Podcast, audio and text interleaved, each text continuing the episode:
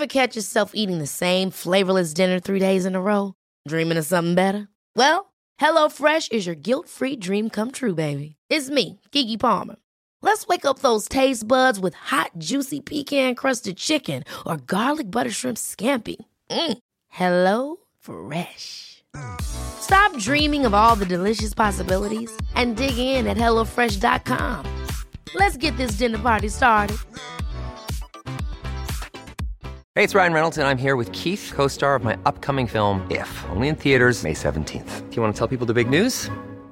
All right, I'll do it. Sign up now and you'll get unlimited for $15 a month in six months of Paramount Plus Essential Plan on us. Mintmobile.com slash switch. Upfront payment of $45 equivalent to $15 per month. Unlimited over 40 gigabytes per month. Face lower speeds. Videos at 480p. Active Mint customers by 531.24 get six months of Paramount Plus Essential Plan. Auto renews after six months. Offer ends May 31st, 2024. Separate Paramount Plus registration required. Terms and conditions apply if rated PG. Hiring for your small business? If you're not looking for professionals on LinkedIn, you're looking in the wrong place. That's like looking for your car keys in a fish tank. LinkedIn helps you hire professionals you can't find anywhere else, even those who aren't actively searching for a new job but might be open to the perfect role. In a given month, over 70% of LinkedIn users don't even visit other leading job sites. So start looking in the right place. With LinkedIn, you can hire professionals like a professional. Post your free job on linkedin.com slash people today.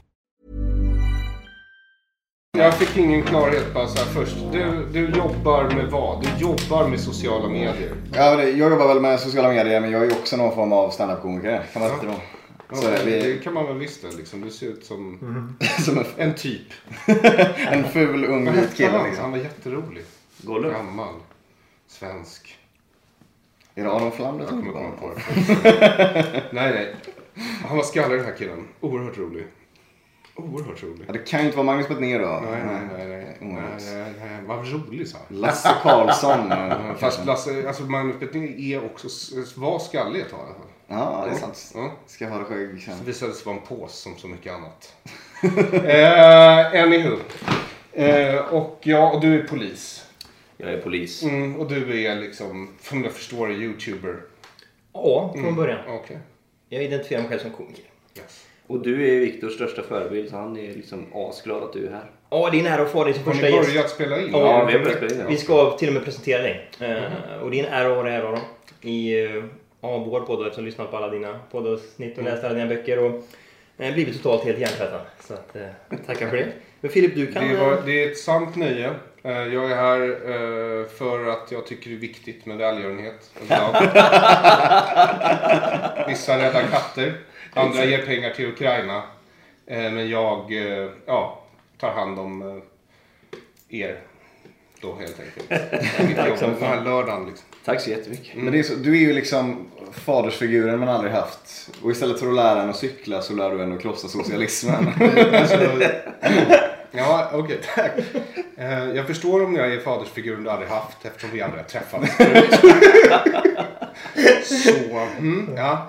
Eh, hmm, ja, annars så är det, det har varit ett nöje att få sitta eh, på olika platser men de senaste åren framförallt i min källare. Eh, bostadsföreningens gamla grovsoprum och, och harva ihop de här poddarna faktiskt. Ja, Eh, ja, men nu, nu är det vår podd. Aron. ja. Och, den, vad heter er podd? Oskyddat samtal. Oskyddat samtal. Ja, Så du behöver inte censurera dig själv. det kommer jag nog inte göra. Som Du du, pratar om allt. Eh, Men Filip, dra igång eh, vår presentation för de som inte kanske... Ja, precis, precis. Aron hade tillsammans med Alexander Bard eh, podcasten Arien och juden. Och om man lyssnar noga på alla 11 avsnitt så kan man vid ett tillfälle, tillfälle där höra Aron prata. Ja, roligt. Och sant. Han pratar på eller? Jag tror i, i sista avsnittet, då säger vi återkommer. Ja. Men, men det är ju, eh, förstår ni inte att det finns liksom perioder i ens liv då man vill veta svaret på de stora frågorna som är universum oändligt och kommer Alexander Bard sluta prata? Och svaret på i alla fall en av dem är nej. Han, men eh, han kommer ju hit i, februari troligtvis. Vad trevligt. Ja, eh, men, men eh, du menar då att han kommer snacka sönder podden? Ja, ja. N- nej, alltså ni ska nog vara glada för att han öppnar käften och säger. Alltså, eh, mycket av det Alexander säger är eh, intressant och en hel del är obegripligt. Det får man definitivt säga, men det är väl få människor, precis som han, som började liksom läsa Hegel när han var sju typ. Eh, hade du samma liksom uppväxt? Eller sådär, att du började Nej, inte, tidigt? nej, jag tror inte jag växte upp alls som Alexander Bard. Som jag har förstått det så hade han en väldigt speciell uppväxt. Och eh, alla de där syskonen verkar ha blivit väldigt speciella också. Ehm, och min eh, uppväxt var högst ordinär i Bergshamra utanför Stockholm. Jag hade kunnat bli Micke Damberg. Jaha, ja. Alltså, nu blev ju inte det för han fanns. Men, eh, Tagen plats. men eh, Micke Damberg kom ju tydligen också, fick jag reda på i vuxen ålder från Bergshamra. Så det hade kunnat gå riktigt bra för mig i livet. Om jag hade skärpt till mig lite. F- Finns det något event liksom i din uppväxt eller sådär som du känner var dominant för att forma den du är idag? Liksom? Har du någonting som sticker ut? Gustav är freudian. Jag har gått i analys i massor, massor med år. Eh, och eh, jag vet inte, ja det är väl några tillfällen när man var liten och gjorde bort sig framför äldre människor. På till exempel sin bar mitzva. Eh, som eh, när man skulle hålla tacktal och kanske var lite för kaxig. För att vara ett bar mitzva tacktal. När man just fått så mycket presenter. Sådana saker. Så skam, antar jag, är väl svaret du letar efter. eh, det är det som formar en neuroter, neuroser. Eh, och ehm, jag vet inte, jag tog ju LSD när jag var relativt ung. Och det formade mig nog väldigt mycket, tror jag. Men sen i efterhand så börjar man ju fundera på, kan det vara så att jag sökte mig till den upplevelsen för att jag redan var lite speciell eller inte i huvudet? Och så, så hamnar man i någon sorts hönan och ägget situation. Men, men det är frågan, för det är många som har den typen av upplevelser efter liksom, eh, ja, att, att livet förändras efter olika psykedeliska intag. Men blir det liksom, är effekten att man slutar bry sig om grejer eller vad är liksom personlighetsförändringen före och efter?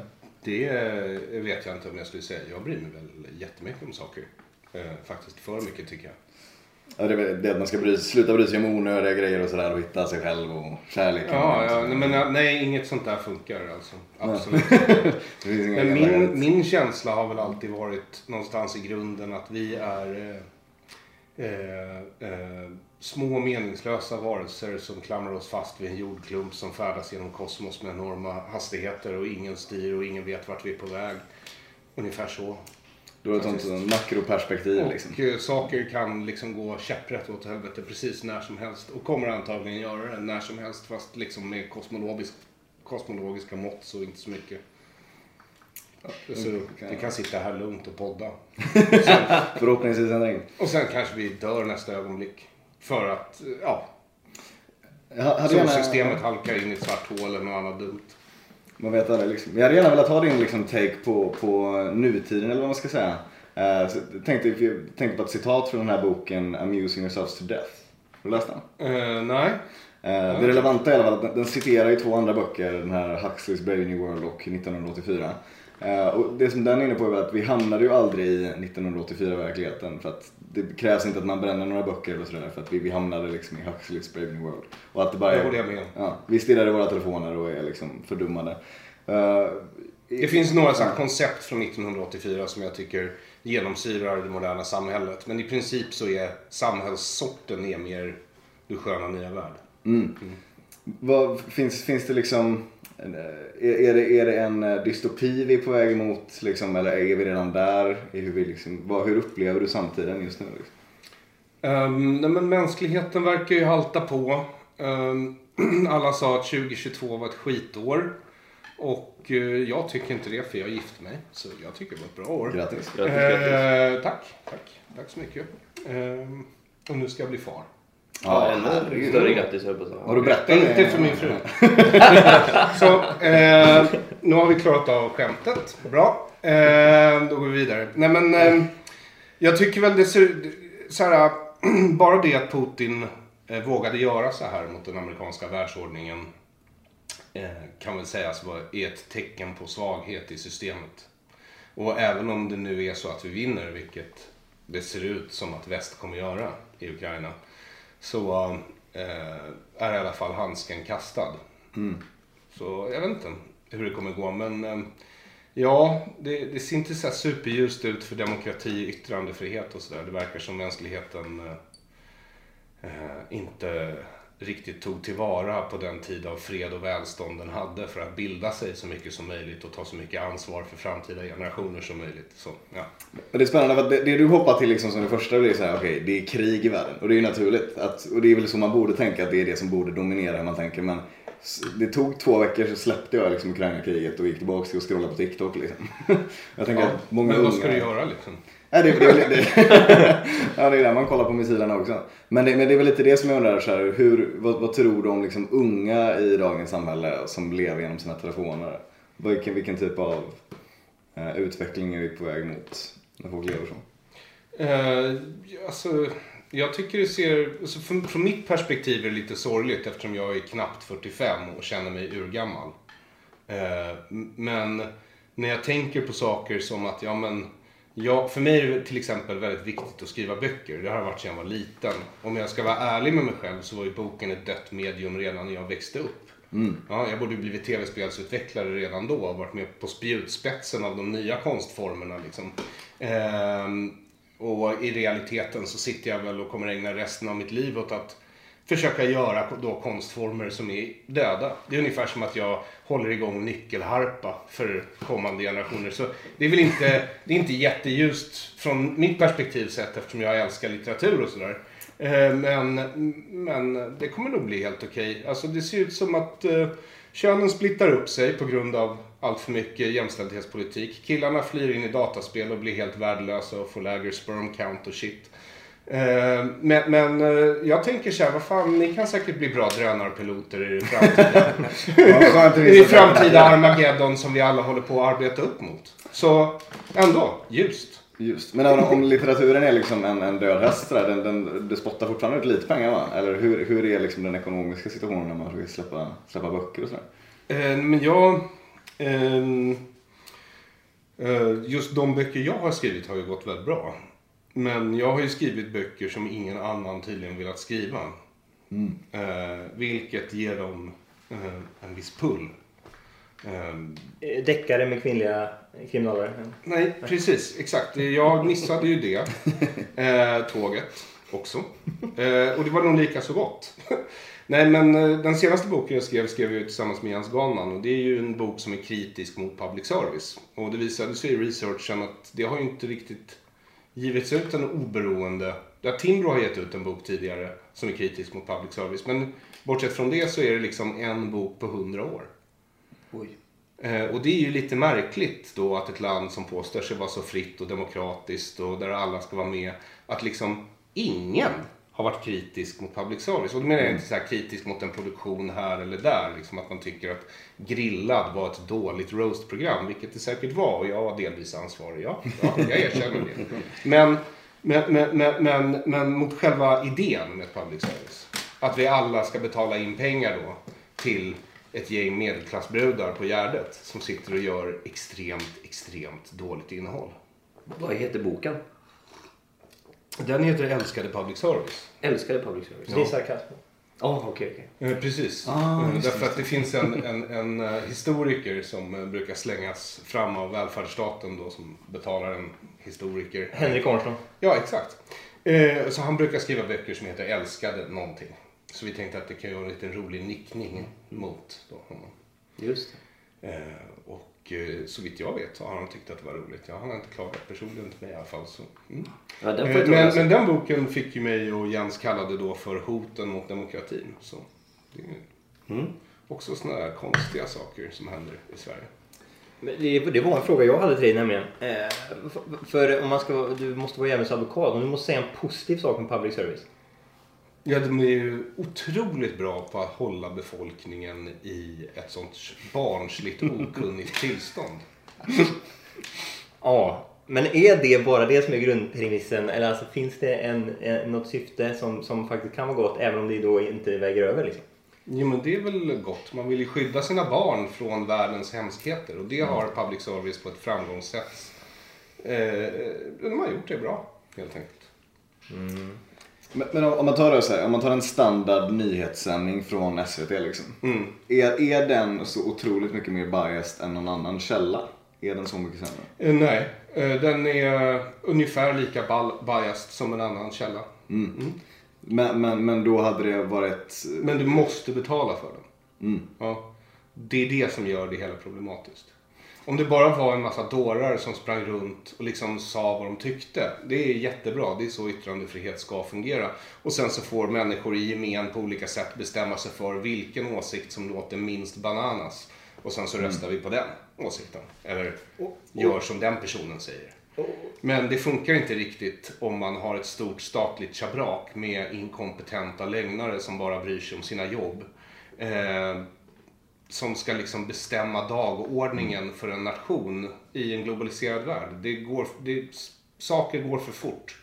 Det, det, vi kan inte hålla på så. Det ser man ju, de stora sociala ingenjörsprogrammen som de faktiskt går liksom i samklang med regeringen för att få ut. Det, menar, det är ju liksom genusvetenskap, det har de ju hållit på med i liksom 40 år. Eh, det har ju gått åt helvete. Och varje gång de utreder det så kommer de fram till att folk mår dåligt av det här, barnen mår dåligt. Och medicinen är mer av samma politik. Det, är, det var för lite, det, var liksom- det, det, det, är de, det, är den, det, är den, det är den religiöst övertygades sätt att förhålla sig till verkligheten. Och så har de gjort med klimatåtgärder. Jag säger inte att det är dåligt att försöka rädda miljön på jorden. Det är jätte, jättebra. Men, men, men man måste ju också liksom så här inse sina begränsningar som art. Men de flesta av oss har, har liksom valt bort skor man måste knyta. Och du ska liksom rädda jorden. Ja, Härligt. Lite väl optimistiskt. Bara, Miljöhopp där bara så här. Följde du hela dramatiken med Greta Thunberg och Andrew Tate? det gjorde jag. Det gjorde jag faktiskt. Jag, jag, eftersom jag eh, inte sover så mycket. Mm. Eh, för jag är gammal och måste kissa flera gånger om natten och sådär. Så var jag nog väldigt tidigt på just det där. Men det- Eh, det måste jag bara fråga dig, måste jag, jag såg det där hända och så tänkte jag så här. Okej. det här kommenterar inte jag, tänkte jag. Det här, det här, det här verkar rätt och riktigt. Alltså på så här. vi- Andrew Tate hade blivit för, bortförbjuden från Twitter. Eh, sen så tog man honom tillbaka till Twitter och det visade sig vara det bästa för att motarbeta Andrew Tate. Nämligen att Greta fick sätta dit honom. Han är som det romerska imperiet nästan att han har förstört sig själv också. För att det, det, väl, det var väl att hans pizzakartonger eller något som, Ja, fast, dit. och, där, och där började ju lögnerna då från mainstream media. För sen Mm. blev ju då så typiskt för vår tid att eh, Greta Thunberg får ju då äran för att Andrew Tate åker fast för human trafficking när det i realiteten är den stackars rumänska polisen som jobbat dag och natt i månader.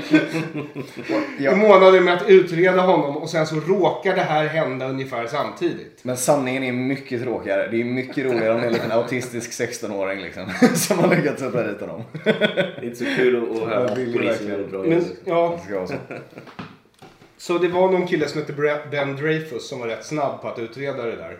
Att det inte då var Greta. Så jag bara la upp den i min feed. Men sen så spelade det sånt ingen roll tydligen. Därför att, du vet, människor på ledarsidor här i Sverige, de vill så gärna att det här ska vara sant. Precis som att de vill att ungdomar i ja, hälften av er ålder ska rösta på Greta sen när de växer upp. Men det kommer inte hända. Därför att de har fått höra hur bra Greta är och ungdomar hatar att få höra saker. Så de vill bara göra tvärtom. Så de kommer rösta på Hanif Bali, sorry. Kom, kom han ut igen Andrew Tate eller sitter han fortfarande fast? Nej, han är ute nu. Han är ute nu. Mm. Så det var... Har man släppt anklagelserna mot honom eller? Det... Men är det bra att unga män som Filip Helas lyssnar på Andrew Tate eller? Nej, det är, som jag förstår det inte alls bra. Alltså, jag har fått frågan någon gång förut, jag visste inte riktigt vem han var. Så kollade jag upp det nu det här hände och då tänkte jag, ja men, ja, ja, nej det, han verkar ju inte vara helt hundra. Men för Alltså, vi- jag, alltså om jag hade en dotter, jag har ingen dotter, men jag skulle inte låta honom dejta eh, henne. jag tror inte det alltså. Jag tror inte han skulle vara bra för henne. Det är bara min åsikt. Det tror inte jag heller. Men det känns, I min värld känns det som att han har liksom tagit det Jordan Peterson säger och ballat ur lite grann. Alltså gått ännu... Det verkar ju inte Hundra som att... steg Men vadå, liksom. Jordan tycker väl att personligt ansvar och brist på humor är väldigt viktigt. eh, så det är väl hans stora grej. Att, att människor tar personligt ansvar, vilket är bra. Mm. Och också inte har roligt, vilket är dåligt. Det, det är dåligt. Ja. Men, men Peterson är väl också sådär mycket liksom att man ska, man ska eh, inte förlita sig helt och hållet på samhället och man ska ta sitt personliga ansvar. Absolut. Och det finns stora skillnader mellan kvinnor och män och det har väl också Jordan Peterson varit inne på. Sådär, liksom. Han är inte på gruppnivå så är det ju så. Och eh, ju friare samhällen vi har, desto större verkar skillnaderna bli. På gruppnivå. Nu är inte Jordan Peterson här och kan försvara sig men han kommer hit i mars. eh, Förhoppningsvis. Och eh, jag vill bara säga det att han älskar South. Ja, Och Trailer Park Boys. okej. Precis som jag hoppas att du vet. Ja, jag älskar också dem. Nej, Viktor Klemming. Eh, Väldigt, väldigt mycket faktiskt. Pinsamt mycket. Jaha, det är så. Viktor, nu, nu är din största idol här, som du har pratat om mycket och sådär. Eh, hur kommer det sig att Aron har eh, blivit så betydelsefull för dig? Liksom? Ja men det är det, är, det, är det här eh, att man får lite djup och intellekt eh, tror jag. För att det är samma sak, jag älskar George Carlin liksom. Bara för att det känns som att du får både lite garv och lite eh, du vet, lärdom. Man har ju bara varit en ung, man har strävat efter kunskap. Du vet hur jag är, man försöker läsa böcker och bli smart och så här. Och då lyssnar man på eh, ja, både roligt och smart. Jag tror mycket det. Att man får, för jag, har, jag kan tycka, ibland säger folk så här, varför lyssnar du på eh, Jordan Peterson? Eller de kan slänga sig med allt möjligt så här. Eh, och så blir man så här, men vad, vad fan ska man konsumera då? Alla är ju idioter liksom. Eller så här, man försöker ju ibland eh, ja, hitta de här som är... Men det, det handlar om att Aron lär dig saker liksom? Har han gjort? Ja, ja, ja. ja. Just det. Ja, nej men det, det eh, vill jag göra. Jag är själv rätt nyfiken av mig. Ja, det är en bra kvalitet i en komiker tror jag. Det är lite intressant för just eh, Jordan Peterson och så, jag skulle vilja höra vad, vad är din take kring hans genomslag och sådär vad, vad håller du med honom om, vad håller du inte med om honom? Nej men jag tycker att det är precis som de flesta tror jag när man såg eh, hans föreläsningar och, och såg upprördheten mot hans föreläsningar så tror jag de flesta reagerade så här. Eh, va? Han säger ju inget konstigt. Han säger att föräldrar ska lära sina barn att bädda sängen, läsa böcker, ta personligt ansvar. Det vill säga det föräldrar har antagit ska göra alltid, överallt. För att annars funkar ingenting. Han har ju verkligen slagit in öppna dörrar. blir ni så arga när han säger självklarheter? Det är självklarheter. Men och det- sen så ja. måste han skriva en bok som heter 12 regler som i princip är Seneca därför att ingen lä- längre läser det. Så är det verkligen bra? Eller Marcus Mm. Men är det som är provocerande liksom? Va? Är det som är provocerande att han ber folk ta eget ansvar eller? För att han lägger, det känns som att han lägger ganska mycket på individnivå. ja, men det är, ju- alltså det är ju så här, individualism är superprovokativt nu för tillfället. Och då menar jag riktig individualism. Det vill säga att du får väldigt mycket frihet i utbyte mot att du tar väldigt mycket personligt ansvar. Och sen så kanske det kommer finnas massa människor i samhället som inte klarar av att ta det ansvaret. Så är det i alla samhällen. De kan man ta ansvar för. Det kallas välgörenhet. Rättvisa är någonting annat. Det är ungefär som att jag kommer hit. Förstår du? Det är inte rättvisa att jag är här. Det är välgörenhet. Det är välgörenhet. Förstår du? Välgörenhet. Det gör dig till en fin individ. Ja, exakt. Det är det jag försöker få Du kan ge dig fram. själv en liten klapp på axeln sen också. Tack så mycket. Du ha. Ehm, det, det, det, Ja. hela, den grejen som är det här, men, okej det är välgörenhet det här att hjälpa de svagaste i samhället och allt det. ja, det är klart att det är. Eh, okej, men, men det är Och det är väl jättefint. Bär samhället något ansvar där? Eller hur, liksom, hur ska samhället vara strukturerat? Alltså det är väl eh, en diskussion som vi bör ha. Men min personliga åsikt det är ju att ett samhälle kommer bedömas efter hur det tar hand om sina svagaste. Så det är ju bra om det tar väldigt god hand om sina svagaste. Enda sättet dock att veta hur och vilka de här svaga är det är ju att låta spelet spela ut så att säga. Då vet man vilka som är de svagaste som man måste ta om hand om och vilka som egentligen bara lyfter bidrag och kanske borde göra något annat med sina liv. Vad innebär det att låta spelet spela ut sig? Ja, det blir lite mer meritokrati i verkligheten. Det vill säga, eh, du kommer få mer frihet och mer, mer ansvar, vilket kommer vara väldigt jobbigt. Och sen så får vi hoppas att du är en person som är så pass stark så att du klarar dig själv. Och i vissa fall så kommer det finnas människor som är så starka så att de inte bara klarar sig själva utan har över att ge till andra. De människorna är sådana vi skulle kunna kalla för goda människor. Ja. Idag så räcker det ju med att någon går runt och säger jag är god. För hur ska den visa att den är god? Den behöver ju bara posta bilder på sig själv från en Pride-tåg. Bara, Jag är god. Är det godhet att posta en bild på sig själv från en parad? Men är, tror du att människan är i grunden god Nej. till sin natur? Nej. Nej. Okej, så, men så är, är djur, djur, vi brukar ju liksom ha mer liksom empati för djur och sådär som bara liksom har någon form av egenvärde i att de existerar utan att de bidrar direkt. Eh, En, en, en människa som är på samhällets botten, liksom, har de något egenvärde då? Eller Ja, det är klart. har de. Ja. Eh, ja, okej. och Som medlemmar av Vad är deras merit då liksom? I, Och de har vunnit liksom spermaloppet mot ägget. Ja, jag tror du försöker ifrågasätta är väl lite grann hur, tror du liksom att, att vi inte behöver ha så mycket skatt och så, ska, och så bara ska välgörenhet eh, hjälpa de svaga? Är det det som är... Nej, vi kommer antagligen behöva ha rätt mycket skatt. Men eh, därför att vi vill ha väldigt mycket service. Frågan är vilken service vi ska ha. Det är alla bråkar om nu. Till exempel med de här dragshow-artisterna. Då får jag hem någon tidning, Amnesty tror jag, som skriver så här. Det här är kampen mot fri kultur. Så det är ju inte fri kultur. Fri kultur är ju det vi gör här nu. Vi får inte betalt av det allmänna. Det här är ju fri kultur. Ja. Eh, eh, det är ingen som bråkar om att du och jag sitter här, i alla fall inte förrän vi sänder.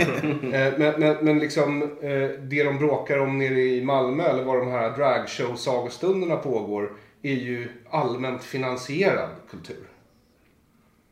Det är ju våra gemensamma pengar. Och då måste man ju fråga sig, ska våra gemensamma pengar gå till just det här? Är detta prio ett? När vi är en art som alltså befinner oss på en jordklump mitt i rymden, ingen styr, vi har ingen aning om vart vi är på väg. Prio ett, dragshow, sagostunder för barn. Låter det som en rimlig avvägning med våra gemensamma begränsade resurser?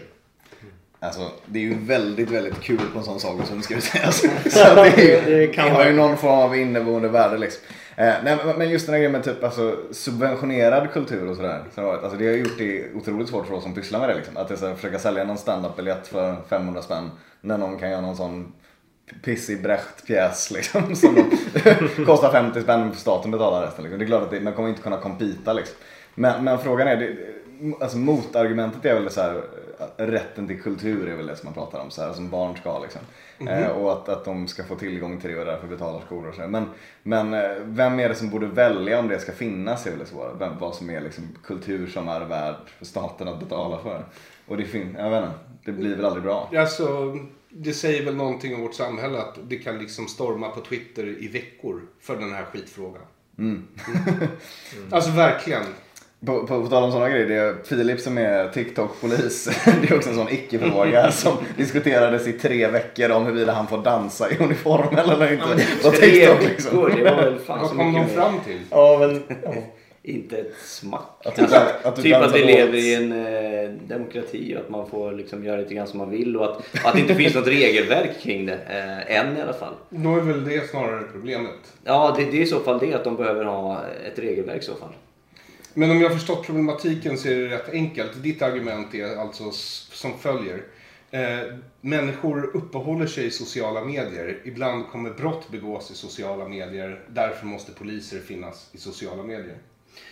Nej, men eh, det stämmer att alltså, människor uppehåller sig på sociala medier. Eh, och vi, vi når ut till så jäkla många människor via sociala medier. Eh, så jag tror att vi behöver finnas där och kunna berätta saker och berätta om vårt yrke och även berätta om liksom, personen bakom uniformen lite grann också. Belysa den eh, biten också liksom. Varför? För att jag, jag hörde ett citat en gång, så man kastar inte sten på en polis som man känner. Och eh, jag, jag tycker att den ändå stämmer in rätt bra. För det, det är mycket människor som kommer fram ja, men för att de har känt igen mig och, så här, och tjötar och snackar. Och många är så här, ja men jag hatar snuten men jag tycker du är god liksom. Alltså, jag tror att om vi får en bild, att vi ökar förtroendet, får en bra bild av polisen så tror jag att vi... eh, Men det förutsätter att alla poliser då är lika trevliga bakom uniformen som du är. Ja, det, det gör det ju. Men... Det är ju osannolikt. Ja, absolut. Men man Men kan göra någonting. är ju rätt stor att man faktiskt kastar sten på en polis man känner om man känner honom jävligt väl. Det är typ ens brorsa. Ja. Och eh, ni bråkar om någonting, arvet kanske. Ja, ja, ja, ja. Nej, men jag, jag tror att det är bara viktigt att berätta om vad vi gör. Alltså, och, och det, det är också nå- ut med det. Jag tror du snackar om bildning. Det, har, det är ju det de, de ställer ju frågor och så är det någon form av bildning. Och sen så värvar han ju uppenbarligen väldigt många ungar och aspiranter och killar som att bli polisen som de behöver. Det är Ja, väl alltså det- det rekrytering, ja precis. Jag skulle vilja säga att det är det tyngsta argumentet att det är otroligt bra för rekryteringsprocessen. För att det, hur ska man annars nå ut till så mycket människor liksom? Eh, och sen säljer ju alltid en god liten dans liksom. Det är klart man vill bli polis då. Nej, jag, Jag har aldrig ens dansat. Det ska jag säga, jag dansar aldrig på TikTok i uniform. Jag skulle aldrig göra det. Men, men jag tror som sagt att det är viktigt att försöka rekrytera nya poliser. Och så se, jag, jag scrollar ju lite TikTok ibland. och, och ser ju att det är så mycket skit liksom. Det är, och jag vill ju försöka göra någonting annat. Till Vi exempel lära någon någonting. Ja, men så här jobbar vi poliser eller ja, det, det är så otroligt mycket frågor om polisen. Och jag försöker lära människor om det liksom. Så att, ja, lite bildare försöker jag vara liksom. Ja, du är nog en bra person skulle jag tro. Men jag tänkte Om fråga du, dig. om du klarar av den tiden. Jag undvek den, ditt yrke. Min mamma ville ju att jag skulle bli läkare helst. Det är ju en sån här typisk Mm, judisk grej. Eh, Men jag förstod direkt att jag kommer inte vilja ge alla vård. Jag, är inte typ, jag är inte typen som bara, ja det är klart att du ska ha vård. Utan jag skulle i vissa fall bara säga, ursäkta du sa att han gjorde vad sa du? Nej, det, det här tror jag, det här är Darwin som talar. Du måste lyssna. Skulle du ha någon princip där att fula människor får inte vård eller hur är det liksom? Nej, men herregud, vad är det med dig? Men det, nej, men vissa, vissa människor bara, du vet så här. Han är nej, ful bara, så skulle, det- skulle du inte klara av att bara... Jaha, så du var producent för Så ska det låta. Jag förstår. Mm, nej, du kommer nog dö av dina svunna tonsiller. De får fylla i ett litet sånt formulär som när de håller på att blöda ihjäl. Har du läst En svensk tiger? Men, men eh, en fråga apropå det ni pratar om nu är ju eh, eh, Filip har också debatterat gangsterrap. Och eh, du kanske höll med om att de inte behöver få priser av staten. nej, jag tycker ju inte stat, alltså, jag tycker Nej. också liksom att om du är gangsterrappare och får ett pris av staten. Ja, det är något Alltså där. det är inte supertufft. Det är med. Det är, Det är inte det, sorry. Det är liksom bara... Men nu var det ju så här att de gjorde ju en lista precis, om vi ska vara lite aktuella, i regeringskansliet, eh, de 58 bästa svenska låtarna till E- EU. Och eh, Ja, då, då fick de ju kritik direkt från, från DN eh, att de inte hade med någon gangsterrap, någon kriminell. Ingen var med. Nej. Men, Men det var inte med epadunk heller, eller hur? Och det är ju Nej. ändå ursvenskt. Ja, men framförallt så var det så här att först så var Sabaton med. Ja. Och sen fick de kritik och då tog de bort Sabaton. Ja, för de hade spelat på Krim, tror jag. Mm. Det var storyn bakom det. Men, men ja, nej, det var lustigt. Jag noterade när de släppte det där därför att det har varit sånt jävla bråk om litteraturkanon. Att om staten bestämmer vilka böcker som ska ingå i någon sorts lista över svenska stora verk. eh, Då är det fascism och undergång. Men den här Spotify-listan verkar folk mest bråka om vilka som är med på listan. Min... Eh, Ja men just för att då, då har du varit för liksom att det kanske är bra om inte staten spelar eh, radio, spelar eh, kriminella och sådär. Och sen, och då, då är det ju så typiskt då att då leder det till att ditt favoritband sen, då ger man sig på dem också. Ta bort Sabaton. Känner du att du Men- ångrar dig nu? Nej, alltså de ska ju alltid dra det för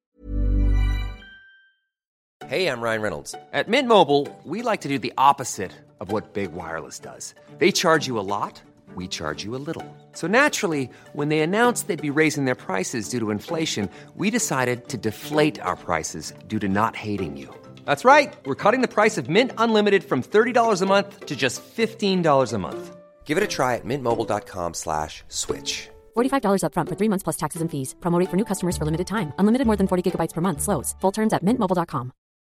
Millions of people have lost weight with personalized plans from Noom, like Evan, who can't stand salads and still lost 50 pounds.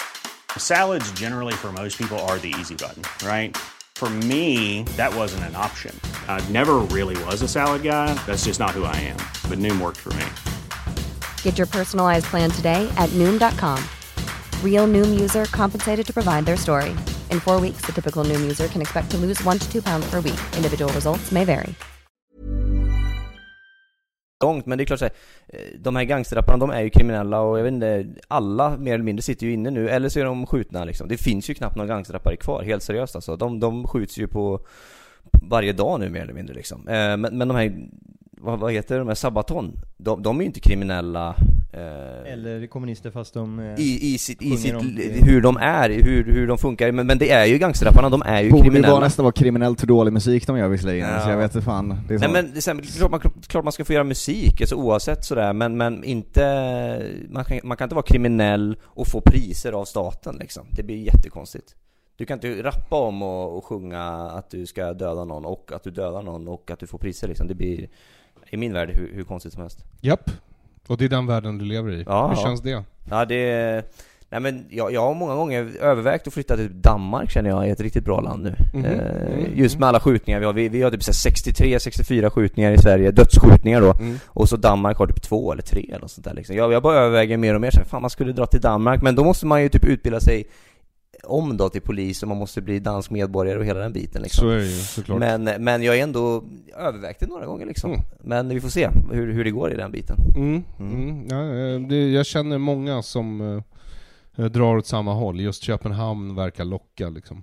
Men hur, hur känner du för det? Eller du känner dig tryggare Nej, jag, jag känner att om jag ska dra från det här korporativistiska, skandinaviska helvetet så tror jag att jag drar längre än Mm. Danmark faktiskt. Men jag har funderat på att söka politisk asyl i Danmark, mest för att det är kul och jag tror det skulle reta folk för mycket. Men, men du, du har ju varit också en kritiker av eh, kanske ja, genus med feminism. Och då har jag bara tänkt på... Inte feminism, utan genusvetenskap. Ja, Mm, okej som då. den kallas för. Då kanske ändå inte min fråga är relevant. Och sen, men, men, men, men just där, ibland har jag tänkt på om, om eh, de säger att det inte är jämställt. Och så... eh, Då Vilka är de? Ha?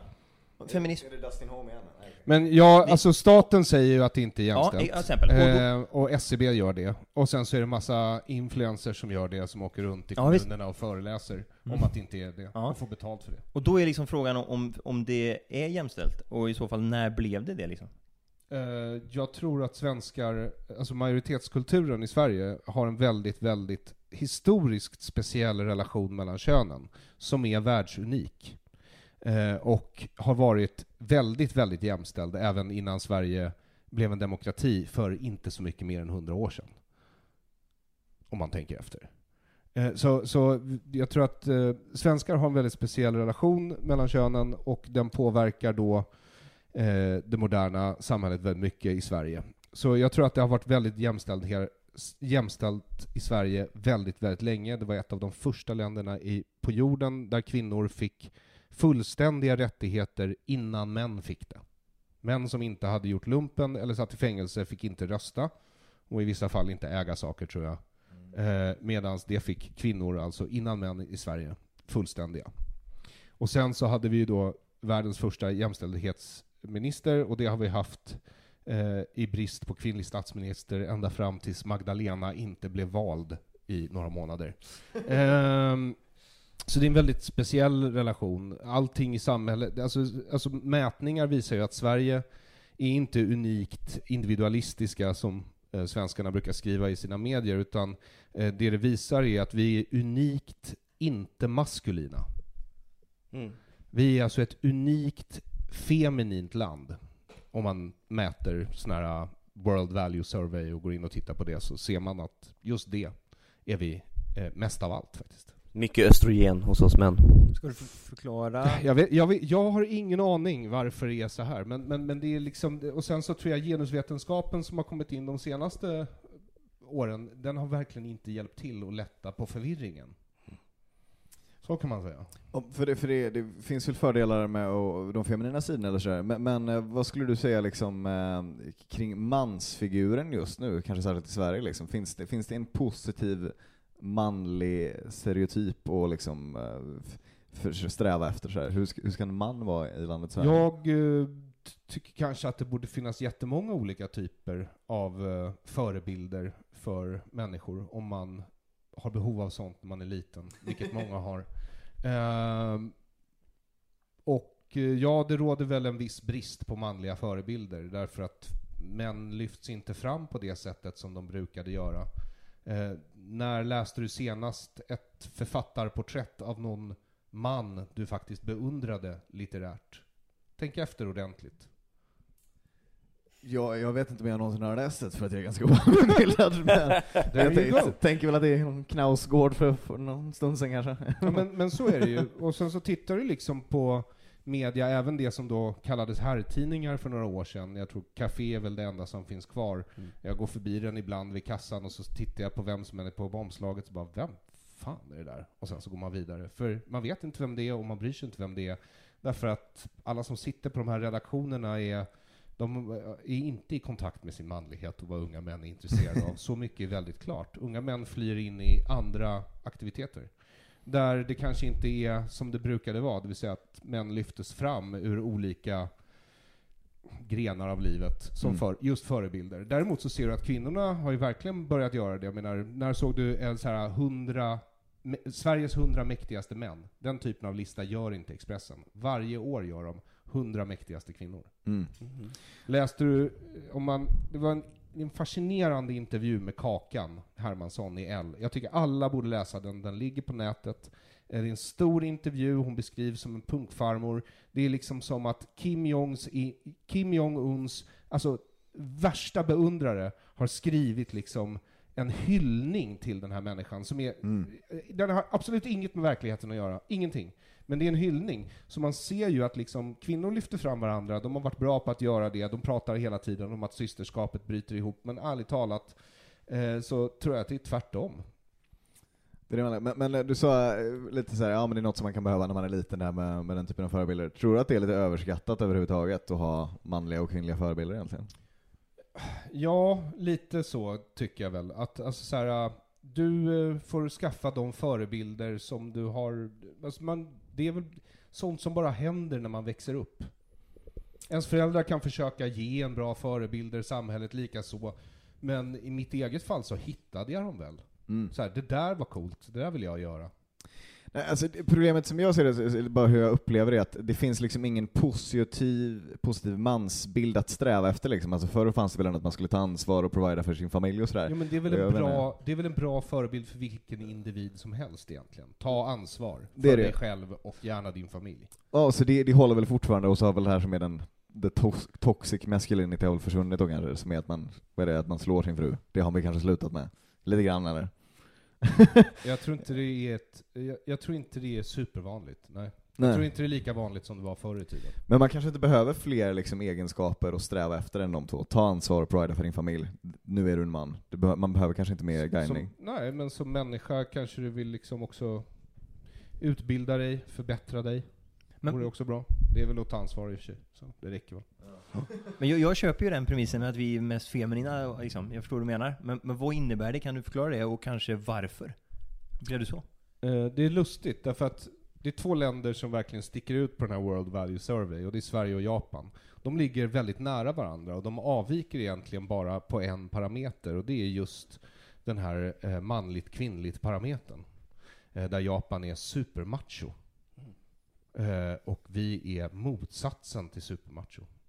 Eh, och jag tror, det är väl klart att det har att göra med våra sociala ingenjörsprogram, att man har liksom fostrat fram den här velourpappan.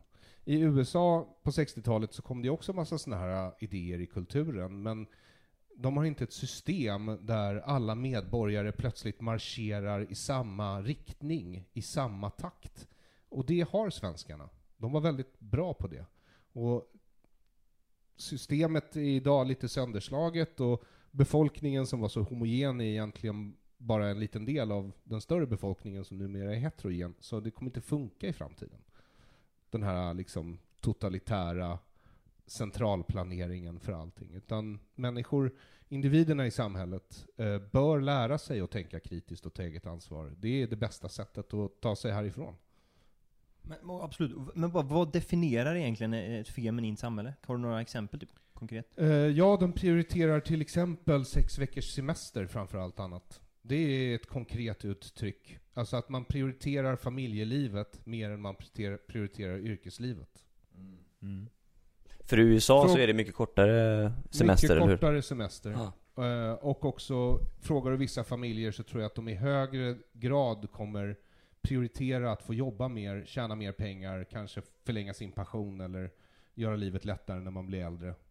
För det är sånt de måste ta större personligt ansvar för än vad man måste här. Då man har bara hamnar på Carema.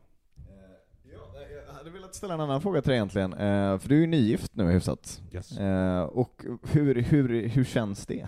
hur känns det att vara gift? Underbart. Eh, Det är så skönt att vara eh, borta från marknaden, vilket jag i och för sig har varit i flera Mm. år, men nu liksom få signalera till världen att eh, den här fantastiskt sexiga mannen eh, är nu, kan inte vara annat än en dröm för dig. Liksom. Ja. Är, det, är det första gången du gifter dig? Ja, det är första. Ja, Mm. häftigt. Kanske sista, vem vet liksom. Eh, Ja. men- Men då, då är eh, frågan liksom, eh, du tror på monogami som koncept då antar jag? Det vet jag inte. Alltså så här, det är ju, för samhället är det ju bättre än polygami. Eh, därför att det skapar, det är ju, alltså monogami är ju i princip kan man säga är ju ett omfördelningsprogram för det kvinnliga könet, så att alla får varsin. Du ser, du ser den praktiska det är delen? tanken Ja. bakom i alla fall. Eh, medan som du liksom släpper marknaden fri i just det här fallet så brukar det likna mindre stamsamhällen i Afrika. Eh, de blir inte så stabila därför att du får stora gäng Mm. med kvinnor som alltså inte får eh, då ett kvinnligt könsorgan, och då blir de våldsamma och arga. Och så springer de runt på landsbygden och försöker skaffa sig kvinnliga könsorgan. Du förstår hur situationen då Hur, hur situationen då blir. Ja. Så, eh, Så, så det finns ju vissa fördelar, helt klart. Och sen så har jag väl aldrig trott på det här med att det skulle leda till färre problem för att man har fler partners. Jag menar, har du någonsin haft en partner så vet du ju att det är problem nog liksom. Ja, det, det brukar vara, utan det är väl att man får någon form av extra njutning av att kunna ha flera sexuella partners, det är väl fördelen, men det lär ju knappast väga upp för alla problem. Det är, det är en No ganska way. dålig trade-off. Får man säga, så, så himla kul är det inte. Ja. Eh, Får jag ställa en fråga? Tack som fan Gustav. Jag, jag tänkte bara på det här med, med, med skämtande. Eh, måste jag fråga om. För att det finns ju det här med våldspyramid och så. Eh, och... Eh, eh, alltså, tycker du eh, till exempel som kanske som jude, jag vet ibland så hur du pratar om antisemitism, att fin, finns det ett problem med typ sådana då skämt? Kan det, eh, ser du något problem med typ judeskämt? Eh, nej, för det mesta inte. För För det det, mesta. mesta så tror jag att skämt, oavsett hur hemska de är, är ett sätt för människor att hantera svarta i sig själva utan att agera på de impulserna. Det är alltså ett hälsotecken. Eh, snarare än något annat. Eh, däremot så är det klart att det i vissa fall kan ingå i konstanta trakasserier av en folkgrupp som rohingyas i Burma eller vad fan de nu är. Eh, Myanmar. Eh, så, så, så kan det ingå och bli en del av liksom, eh, ett, en rasistisk pogrom mot människor. Det tror jag. Men, men eh, jag tror inte du kan säga att det är liksom anledningen till att rasismen sker. Utan det är ett uttryck för den i så fall. Ja, Jag har bara lite svårt att helt så här, jag skulle vilja du- vet, försvara skämt i alla lägen un- ungefär. Jaha. Men det kanske man inte kan riktigt. Det kan eh, så vara en del av nå, alltså, det är så där mobbning, vart går gränsen där? Det kanske också är inne på samma spår. Ja, men det finns du ju lag- fysiskt våld och Mm. psykiskt våld, då är fysiskt våld att betrakta som det mest allvarliga av den enkla anledningen att det inskränker någonting du faktiskt kan ta på. Skämtandet är väl det som gör mobbning kul. Det är väl därför det är så otroligt roligt liksom. att reta någon. Det är för att det, det är ofta det, ja. Nej, jag, jag tycker det är, det är väl egentligen helt olika saker, för om, om man mobbar någon, då är, har man ju ett syfte till att vara elak mot den personen, och, och skämtar man så, så är det ju ett skämt, då är det ju roligt, men då, tyck, då ofta så är det ju roligt för i alla fall majoriteten Sen är skämt personer. ofta på någons bekostnad. Jo men, men om Så. någon enstaka blir kränkt och sådär, det är typ när jag och Viktor gör humor, det är så här, ja men en miljon tycker att det är skitkul och så är det tio personer som blir jättekränkta, då, då, då skiter man ju i de tio personerna liksom. Jo, jag menar- jag menar, man om hur tjock Bert Karlsson är så kommer ju Bert Karlsson eventuellt kunna bli lite sur, och det är rimligt liksom. alltså, så det... Tror du? Tror Bert skulle bli sur för att man skämtar om hans vikt? Jag tror att han skulle vara smickrad att man pratar om honom, det känns som att han har fallit ut lite. Ja, men det är det jag menar, att i vissa fall så är det inte så. Och i andra, jag menar, jag har ju dragit vissa riktigt elaka skämt med syftet i offentligheten att de ska vara elaka. Mm. Ja. Ja, men jag kommer att tänka på, visst är det, det känns som att vissa sådana referenser inom standupen, just när man pratar om en tjockis är det fortfarande Edvard Blom och Bert Karlsson, att de liksom, man uppdaterar aldrig referenserna där. Det är väl kanske Anis Don Demina som är nya tjockisreferensen. Kakan Hermansson kan vi börja med. Du måste ju bli fetare än dem då, för att liksom er- ersätta dem. Det är det. Jag tror ingen är större än Edvard Blom, eller? Alltså i offentligheten. Finns det någonting som är positivt med Sverige, tycker du? Ja, um, jättemycket, såklart. Vad tycker du? eh, Några exempel på vad som är bra med Sverige? Ehm, ja, men eh, än så länge så funkar ju tunnelbanan ibland. Och ehm, eh, så det är bra. Eh, och sen så gillar jag ju som alla andra svenskar älskar jag ju när det är sommar. Mm. Därför att det inte är resten av året liksom. Ja, just det. Mm. Man ser fram emot det. Så, och jag gillar skärgården. Jag var ute och seglade i somras. Väldigt trevligt i skärgården. Ehm, men ja, men eh, det var väl det i princip ja. Jag tycker verkligen att kulturen är anskrämlig. Den offentliga kulturen är anskrämlig. Och, och du, nej, du har ju skrivit mycket böcker. Mm. Hur många böcker har det blivit? Nej, det har jag inte. Inte så många böcker. Jag har skrivit... eh, man kan väl säga att jag har skrivit två riktiga böcker. Och då har jag ändå delad cred på den andra, den senaste, Jag Ja. älskade public service. Sen innan dess har jag hjälpt till att vara redaktör på Jag bombade, då vi samlade ihop en massa bombningar från ståuppkomiker. Mm. Och sen så skrev jag och Jonathan, liksom, eller det är också mest redaktörsarbete, någon sorts citatbok om döden på Norstedts för massa, massa år sedan. Det, vilken bok är du, är du mest stolt över? Det här är en svensk tiger jag är nog mest stolt över. Den är väl eh, hur eh, man än förhåller sig till den, mitt magnum opus så här långt. Jag ville fråga om den, nämligen. Eh, skulle du kunna förklara eh, den där lilla rättsprocessen? Eh, som man och för sig har hängt med men det är ju jävla intressant vad som egentligen hände. Jag har läst den Jag och... tror att bästa sättet att förklara den Ja. är så här. Om det hade funnits en rysk komiker som hette Aron Flamkovski och han hade skrivit en bok om hur hans hemland Ryssland först samarbetade med Hitler i början av kriget och sen efter kriget fortsatte finansiera eh, judarnas fiender via islamistiska terrorgrupper över hela planeten eh, i, i 60-70 år. Eh, och han blev eh, åtalad för det. Då hade väldigt få människor i det här landet ställt sig frågan om vad som pågick. Men eftersom vi inte bor i Ryssland, utan här, så är det ju upp till var och en att tolka vad som faktiskt hände där. Men det är ju speciellt att eh, nationella operativa avdelningens enhet mot internationell och organiserad brottslighet utredde mig i ett och ett halvt år. De måste ju tyckt att jag var superfarlig, I guess. De, sk- de skulle ju behöva utreda sig själva och det gör de ju nu också. Bra! Eh, På grund av det här med... Med Linda Staff och, Mm. och hela haveriet liksom. Vår, vår typ Stockholms högsta polischef liksom som anställde en kvinna för att eh, de hade sex och ja, det är hela, jag, jag säger inte mer än så men eh, liksom det är ett haveri på, på, på högt upp i polisledningen så att säga. det finns lite nepotism inom polisen? Alltså, spännande. Det, det, det är jävligt tråkigt att det är på så hög nivå liksom. Eh, visst om det hade varit på så här, gruppchefsnivå på ingripande verksamheter men när det är på så otroligt hög nivå och liksom det man sysslar med, ja, nepotism liksom, det är lite galet alltså. Men nu är, de, nu är de båda borta från sina tjänster i alla fall så att, eh, Toppen! Ja, visst. Får vi se vilka nepotister som har tagit över efter dem. Exakt. Men, men Aron, eh, ja. jag bara tänker på, det det handlar inte bara om att du tog ett, vad heter det, plagiat, en, en tiger som du inte fick utan... Såklart inte, därför att, eh, så här är det. Eh, åklagaren sa ju då att han ville pröva då en juridisk grej som har med yttrandefrihet och satir att göra. Hade han velat pröva den, då hade han drivit det hela vägen upp till högsta domstol. Nu la han av efter hovrätt. Då ser det ut som att han bara förlorat två gånger i rad, som att han inte alls vill pröva någonting. Eh, som att han gjorde det här för att, upp, för att liksom lägga, ja, vad ska man säga, krokben för mig under två och ett halvt år av mitt liv. Ehm, men jag är ju en snubblare. Alltså, det är ju vad komiker är. Vi snubblar på bananskal åt andra så att de inte behöver göra det, ser hur tokigt det är. Men Tror du att det Så. liksom fanns någon personlig vendetta liksom, eller sådär? Det tror jag nog. Eller liksom, eh, ja, det, det, det tycker jag mig själv har sett spår av i förundersökningen, därför att när åklagaren väl skrev på den här europeiska utredningsorden då, som skulle beslagta mina böcker, eller få bevis från tryckeriet, för det ligger i Litauen istället för i Sverige, eh, så eh, beskrev han ju omslaget som eh, vanvördigt eller vedervärdigt, tror jag. Och eh, det är ju ett värdeutlåtande, liksom. det är ju en åsikt kan man säga. Eh, Så det är lite sådana där saker som jag tycker, och sen de sa ju också att det hade absolut inget med innehållet att göra, men de återkom ju till det under hela rättegången. Hur kan omslaget vara satiriskt om innehållet är seriöst? Det var liksom den återkommande frågan från åklagarsidan.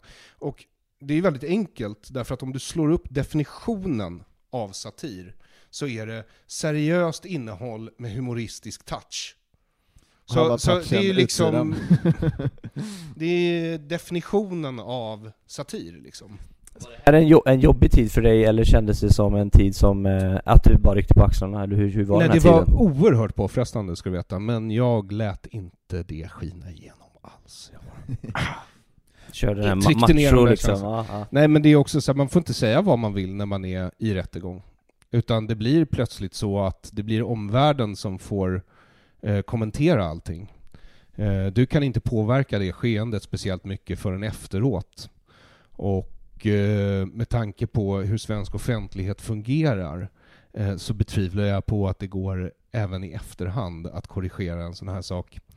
Eh, Men det hade kunnat bli intressant. Det är också en sån här grej, när sånt här händer så är det ju så att i en normal kultur så kanske någon hade besvärat sig om att göra en personintervju med mig på uppemot en timme. Noll. Är det så? Ja, ja, noll. Åh, och det visste jag ju att det skulle bli, därför att jag eh, intervjuade, det var, bara, det var inte alls långt innan jag fick mina böcker beslagtagna, kanske till och med var efter. Jag bokade in intervjun innan och sen så intervjuade jag en kille som heter Fleming Rose. Och han var redaktör för den här danska tidningen som publicerade Mohammed-karikatyrerna. Mm. Och han var också med eh, i Köpenhamn med Lars Vilks när det var terrordåd och flera människor blev skjutna. Och han var med där på det terrordådet. Han sa att det var så konstigt tyckte han. Eh, att han liksom känner både Sveriges Radios korrespondent och Sveriges Televisions korrespondent i Köpenhamn. Och ingen av dem ringde honom för att ens höra om han var okej. Så, och då, när, när det ser ut så i offentligheten, då är det liksom så här, ja, eh, jag förväntar mig till exempel inte att något media med pressstöd ska vara eh, sanningsenligt när det behandlar mig som person eller mina verk. Eh, jag förväntar mig inte det heller för någon annan som tillhör den vagt borgerliga sidan i det här sosselandet. sosselandet. Eh, därför att jag har intervjuat för många människor i dekonstruktiv kritik bland annat, så jag vet exakt hur det funkar. De här recensionerna mot de här individerna kommer inte bry sig om innehållet i boken. Boken kan vara bra, boken kan vara dålig, det spelar ingen roll. De kommer gå på personangrepp direkt och yxa dem med fotknölarna. De kommer kalla personen nazist, fascist, rasist, så att alla människor omkring blir rädda så här, oj, det kanske är något fel på den personen. Minns så du- funkar det i Sverige. Fan, fanns det något, liksom, eh, något moment när du insåg att så här, okej, nu har jag bränt alla broar här, eller så här, nu, nu hatar... Men jag tror alltid att jag har Mm. bränt alla broar, och sen plötsligt så, så, så reser någon en ny skinande bro. som jag kan bränna. Drar ut det illa kvickt liksom.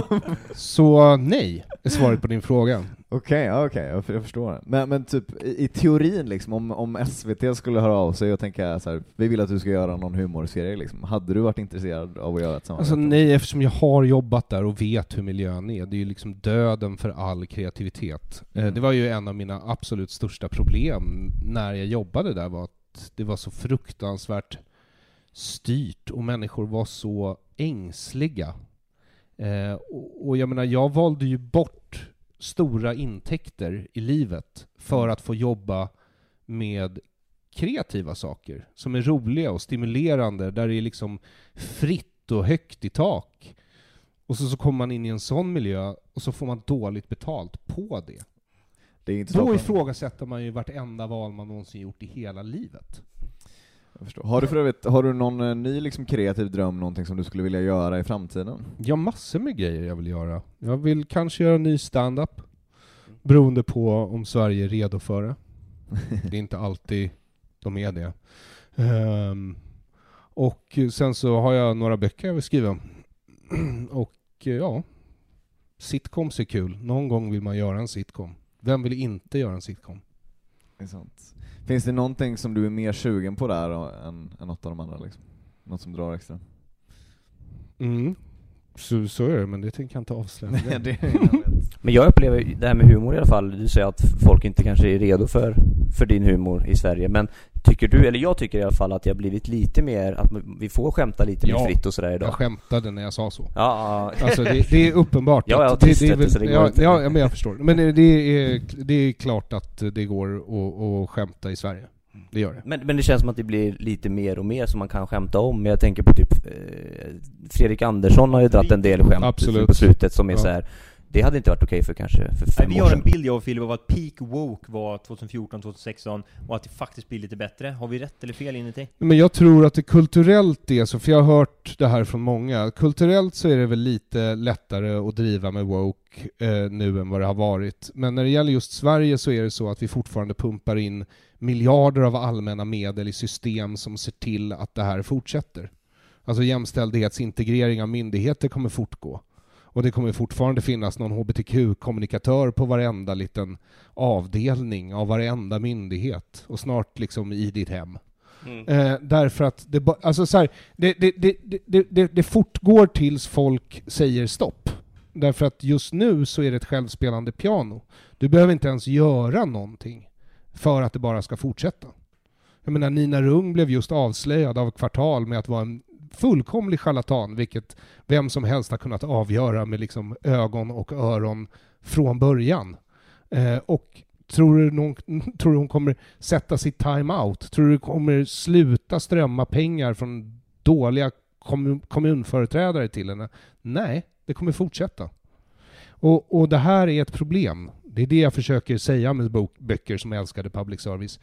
Låt eh, mänsklig kultur vara i större utsträckning. Och sen får vi se vad som är roligt, vad som är vackert, vad som är intressant. Eh, jag vill inte höra det från staten. När, de liksom, när Mats Grinberg på SVT liksom i slutet av varje huvudproduktion skriver humor godkänd av staten så är det liksom inte... Ja, det- det gör det, är inte det är inte ironiskt och det är inte roligt, det är bara creepy. Ja, det, det, var, det jag är bara det. creepy. Jag, jag trodde det var ett skämt först, och sen Ja. tänkte jag på det. Det är det ju inte. Nej! Fy fan. Men...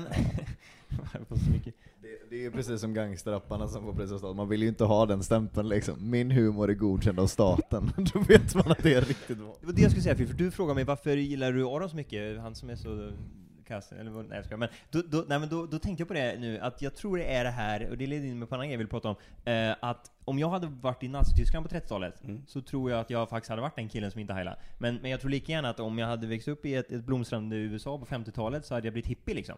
Jag tror att det finns någon otrolig, att jag måste alltid vara i opposition. Mhm. Jag tror inte ens att jag är någonting, jag, jag, jag kallar mig inte Du är i jag opposition. ingen Parti. Jag, jag vill alltid provocera, skoja, alltså, och Mm. då tänkte jag fråga dig, är jag en trickster?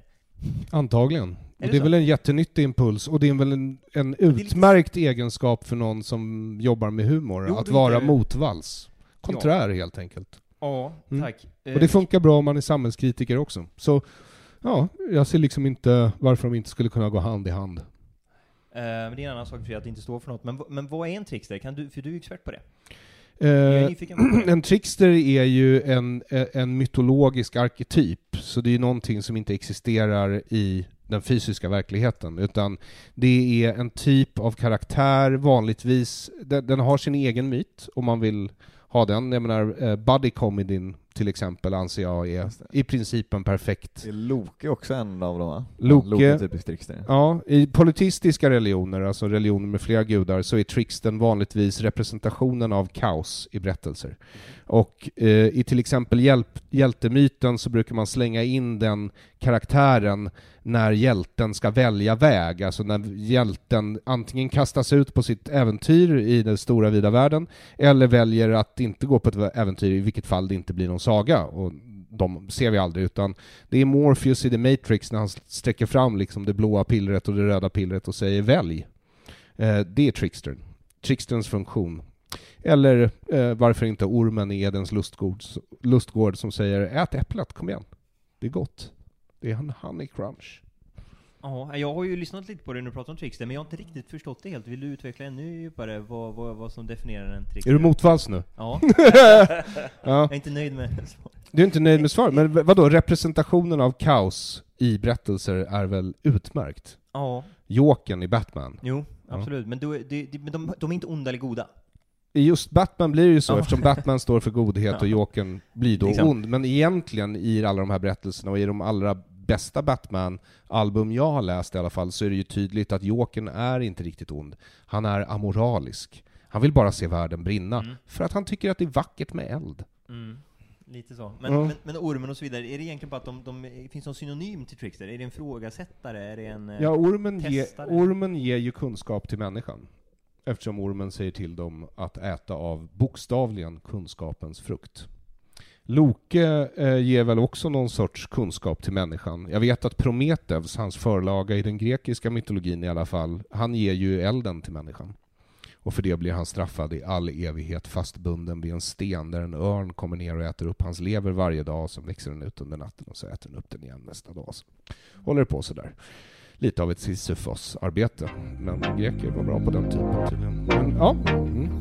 Där är veckans avsnitt slut och vi vill passa på att tacka Aron så mycket för sin medverkan. Glöm inte att följa honom på Instagram, där heter han Aron Flam, och även att kanske kolla in hans podd som heter Dekonstruktiv kritik. Finns där poddar finns. Ni som eh, lyssnar på Oskyddat samtal på Youtube får eh, dessutom jättegärna subscriba till vår kanal och kanske Even when we're on a budget, we still deserve nice things. Quince is a place to scoop up stunning high-end goods for 50 to 80% less than similar brands. They have buttery soft cashmere sweaters starting at $50, luxurious Italian leather bags, and so much more. Plus, Quince only works with factories that use safe, ethical, and responsible manufacturing. Get the high-end goods you'll love without the high price tag with Quince. Go to quince.com slash style for free shipping and 365-day returns. Hey, it's Paige DeSorbo from Giggly Squad. High quality fashion without the price tag. Say hello to Quince. I'm snagging high-end essentials like cozy cashmere sweaters, sleek leather jackets, fine jewelry, and so much more. With Quince being 50 to 80% less than similar brands. And they partner with factories that prioritize safe, ethical, and responsible manufacturing. I love that. Luxury quality within reach. Go to quince.com slash style to get free shipping and 365 day returns on your next order. Quince.com slash style. Imagine the softest sheets you've ever felt. Now imagine them getting even softer over time. That's what you'll feel with Bowl and Branch's organic cotton sheets. In a recent customer survey, 96% replied that Bowl and Branch sheets get softer with every wash. Start getting your best night's sleep in these sheets that get softer and softer for years to come. Try their sheets with a 30-night guarantee. Plus, get 15% off your first order at bowlandbranch.com. Code BUTTERY. Exclusions apply. See site for details.